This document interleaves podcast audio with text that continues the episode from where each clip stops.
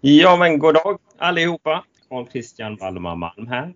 Och eh, även min eh, barndomsvän på andra sidan världen, Erik Ponzio. Goddagens, goddagens. Hur har vi med livet idag? Jo, det är bra. Jag har beslutat mig för att stanna hemma ett tag. För att spendera lite mer tid på att utveckla nya talanger och förmågor. Som till exempel igår så blev jag ju konstnär. Jag köpte mig ett akvarellmålarkit från Amazon för 14,99 dollar. Och jag målade min första tavla sedan tonåren. Det är väldigt imponerande. Se hur det går med din karriär inom akvarellvärlden. Jag har redan fått ett bud faktiskt på 75 dollar för att sälja den tavlan. Eh, Inom familjen eller? Nej, nej, nej. Eh, inte alls. En, en av mina gamla kompisar från New York-tiderna. Han ville köpa den direkt av mig, rama in den och hänga upp den på väggen. Det låter lovande, men jag, jag måste säga, vi, vi är inne på avsnitt två och det har redan gått in i den kommersiella banan att du försöker sälja prylar. Bra säljteknik att använda vårt mediaforum för att få ut dina tavlor. Så lycka till! Tack så mycket. Jag, jag tar emot kommissioner. Ni kan ju gå in på Detvenne på Instagram och direktmessage oss där. Vilken typ av motiv, tavla och sådär vi ska kunna måla. Jag kan rita allt. Så att jag ser att det blir en tävling det här. Eh, Carl Christian, du ritar streckgubbar. Ja, men jag kan rita streckgubbar till allt. Kontrollfråga. Hur många streck behöver man för att rita en streckgubbe? Först och främst får man ju ha en definition om det är en kvinna eller man. Om det är en vuxen man eller en vuxen kvinna så blir ju strecken många fler än om det är en liten flicka eller ett litet barn som en liten flicka också kan vara eller en pojke. Så att det finns många faktorer. Så jag tror nästan att vi, vi avslutar den här konversationen här och vi går vidare till det vi egentligen skulle tala om idag. Ja, jag vill bara säga en sak innan vi tar oss till punkt. Så vill jag bara påminna alla att ni kan köpa mina streckgubbar också. Då går vi vidare. Vi har ju fortfarande inte riktigt definierat vad den här podden ska handla om och till vårt missöde blev vi lite kompromisserade denna gångna veckan när vi skulle göra research för att dessvärre så lyckades någon någonstans hacka min mobil, närmare bestämt WhatsApp. Hur kunde det här hända Carl Christian att någon lyckades hacka 1. Ditt WhatsApp-konto, 2. Ta kontroll på all content i vår WhatsApp-chatt för de senaste, jag vet inte hur många åren. Inkluderat bilder samt alla lösenord till eh, vår social media för den här podcasten. Och på så sätt satt vår nystartade podd i den där riskkategorin att det här kanske blir den kortaste poddkarriären någonsin. Jag får ju nästan bryta ner dina två frågor i flera. För det första så nu i efterhand vill jag först och främst säga att det kanske inte var det mest smarta draget att lägga upp all våra passwords och information via WhatsApp. Så jag, jag säger till på skarpen där att det får du inte göra nästa gång. Om vi går vidare. Det finns ju i, i dagens värld, i teknikens värld, så finns det ju väldigt många skärpta hjärnor ute i vårt samhälle som hittar förmågor att bryta sig in elektroniskt på ens eh, diverse mojänger. I det här fallet, han tog mig på eh, min soft spot om man säger. Känslig och eh, vänlig som jag är så ställde jag upp på hans förfrågan. Eller hon. Jag vet ju fortfarande inte vem den här hackern är. Så att han lyckades dra ur mig lite information, den informationen som han behövde för att kunna ta över min WhatsApp. Låt oss ta ett steg tillbaka. Skulle du kunna berätta rent steg för steg hur det här händelseförloppet gick till vidare så, så dina fans förstår också vad de ska vara lite sådär uppmärksamma med och vad de ska undvika. Första steget, man måste bevaka om eh, personen som kontaktar dig är någon du känner eller inte. Det var inte någon du kände? I det här fallet så var det inte någon jag kände, nej. Okänt nummer? Ja, okänt nummer, okänd själ, men en väldigt lockande emoji. Det var alltså ett WhatsApp-meddelande från ett okänt nummer som dök upp i din, med en, som du säger då, en lockande emoji. Det var en ledsen emoji. Oh, en ledsen emoji. Tilltalar liksom din, din mer eh, empatiska sida. Exakt. Så vad hände då? Du fick det här meddelandet från ett okänt nummer med en ledsen emoji. Då var det en text. Hjälp! Snälla fort! Kan du skicka koden till mig? Vilken kod då? WhatsApp-koden. Och, och var fick du den någonstans från?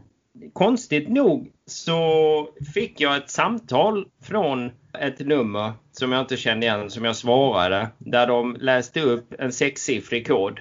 Som jag även fick ett meddelande med, med samma kod på. Så att jag antog att det var den koden som den här personen var ute efter.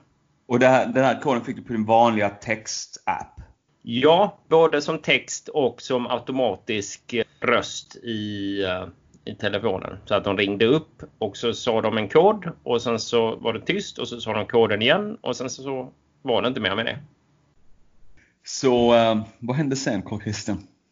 Nej, sen, sen svarade jag på meddelandet och eh, skrev. Uh, jag väntade ju i alla fall två, tre minuter. För säkerhets skull? Och, ja, exakt. Jag ville inte göra någonting förhastat. Och uh, sen, sen, sen svarade jag. Uh, I believe this is the code you're looking for. Och så skickade jag koden. Ja. Men det, det, är bra att du tog den här säkerhetsåtgärden att du inte gjorde någonting förhastat och skickade koden till ett okänt nummer. Och vad hände sen då när du, när du väl hade skickat koden? Nej, sen gick det ganska fort. För direkt efter det så, så hade jag inte WhatsApp längre. Du kunde bara inte använda WhatsApp längre? Nej, det, det gick till den här inloggningssidan där man ska registrera nummer och få en kod. Och det var då som det, det slog till i huvudet att aj tusan, det är nog den koden som jag har skickat. Så om, om, jag, om jag skulle få dra några slutsatser här så är det eventuellt så, som så att någon försökte återställa din kod för att accessa. Så vad de har gjort är att de har en annan telefon där de har registrerat mitt nummer. Så de har ju gjort jättemycket eftersökningar för att hitta mitt nummer och så har registrerat det på en ny telefon. Och sen då så har de registrerat den nya telefonen med mitt nummer till WhatsApp. Det, det, låter, alltså det låter nästan som att de har gjort detta för att du är någon form av eh, topphemlig eh, säkerhetsagent som lever inkognito i Hongkong och eh, har en hel del information som är säkerhetsstämplad på din telefon. Således har, de, har du utsatt oss som en, en måltavla för eh, phishing. Ja. Nu är det ju som så att de kan nog inte ha hittat så mycket information på vare sig min WhatsApp eller de bilderna som även var skickade till mig som de kunde använda. Så att eh, jag tror den här scammen då som det är, eh, vad den går ut på är att de sedermera efter de har tagit över någons WhatsApp, då frågar de ens kontakter för pengar um, och hoppas då att de ska få pengar. Jag förstår. Så det är därför jag då också fick ett, um, ett WhatsApp från dig med en ledsen emoji. Men jag svarade ju då ganska, ganska snabbt på svenska vad som hände. För sen fick jag inget svar. Kanske för um, att de inte talar svenska.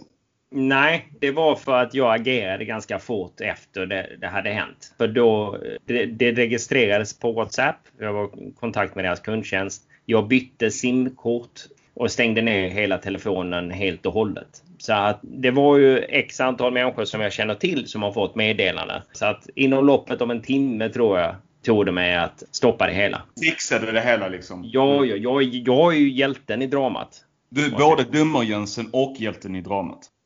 Ja, jag vet inte om jag skulle dra mig till att använda sådana uttryck för min person. Eh, men det sistkommande tar jag gärna emot. Okej, okay, så du, låt säga som så här, om du, om du föredrar den här definitionen. Du är både Clark Kent och Stålmannen i dramat. Ja, därför, ja den, den, den, går jag med på. Ja. Fullt stopp. Så, um, några andra meddelanden som vänner fick, förutom då bara ledsna emojis, var det frågan om någon om pengar? Nej, det gjorde de inte. Det hann de inte. Inte så vitt jag vet i alla fall. Nu är det ur världen. Nu kan vi se framåt till en ljusare och gladare WhatsApp-konversering framöver. Och har vi lärt oss någonting från detta förutom att eh, phishing är liksom eh, din kryptonit. Om jag får, stanna, får vidhålla mig vid eh, analogin till Stålmannen och Clark Kent. Även att man måste stålsätta sig mot uh, emojis. Lita inte på okända personer. Hoppa inte in i bilen med gamla farbröder och ta inte emot godis från någon du inte har träffat tidigare. Kanske, kanske kan avrunda så idag. Ja. Och, och som sagt, skicka inte koder till okända oavsett vad det är de frågar efter. Men ja, det var väl allt för denna gången. Jo, men bara, bara lite snabbt. Vad är din nya password till ditt Gmail-konto? Jo, men det är... Ja, ha det bra. Tills nästa gång. Hej hopp! Hej.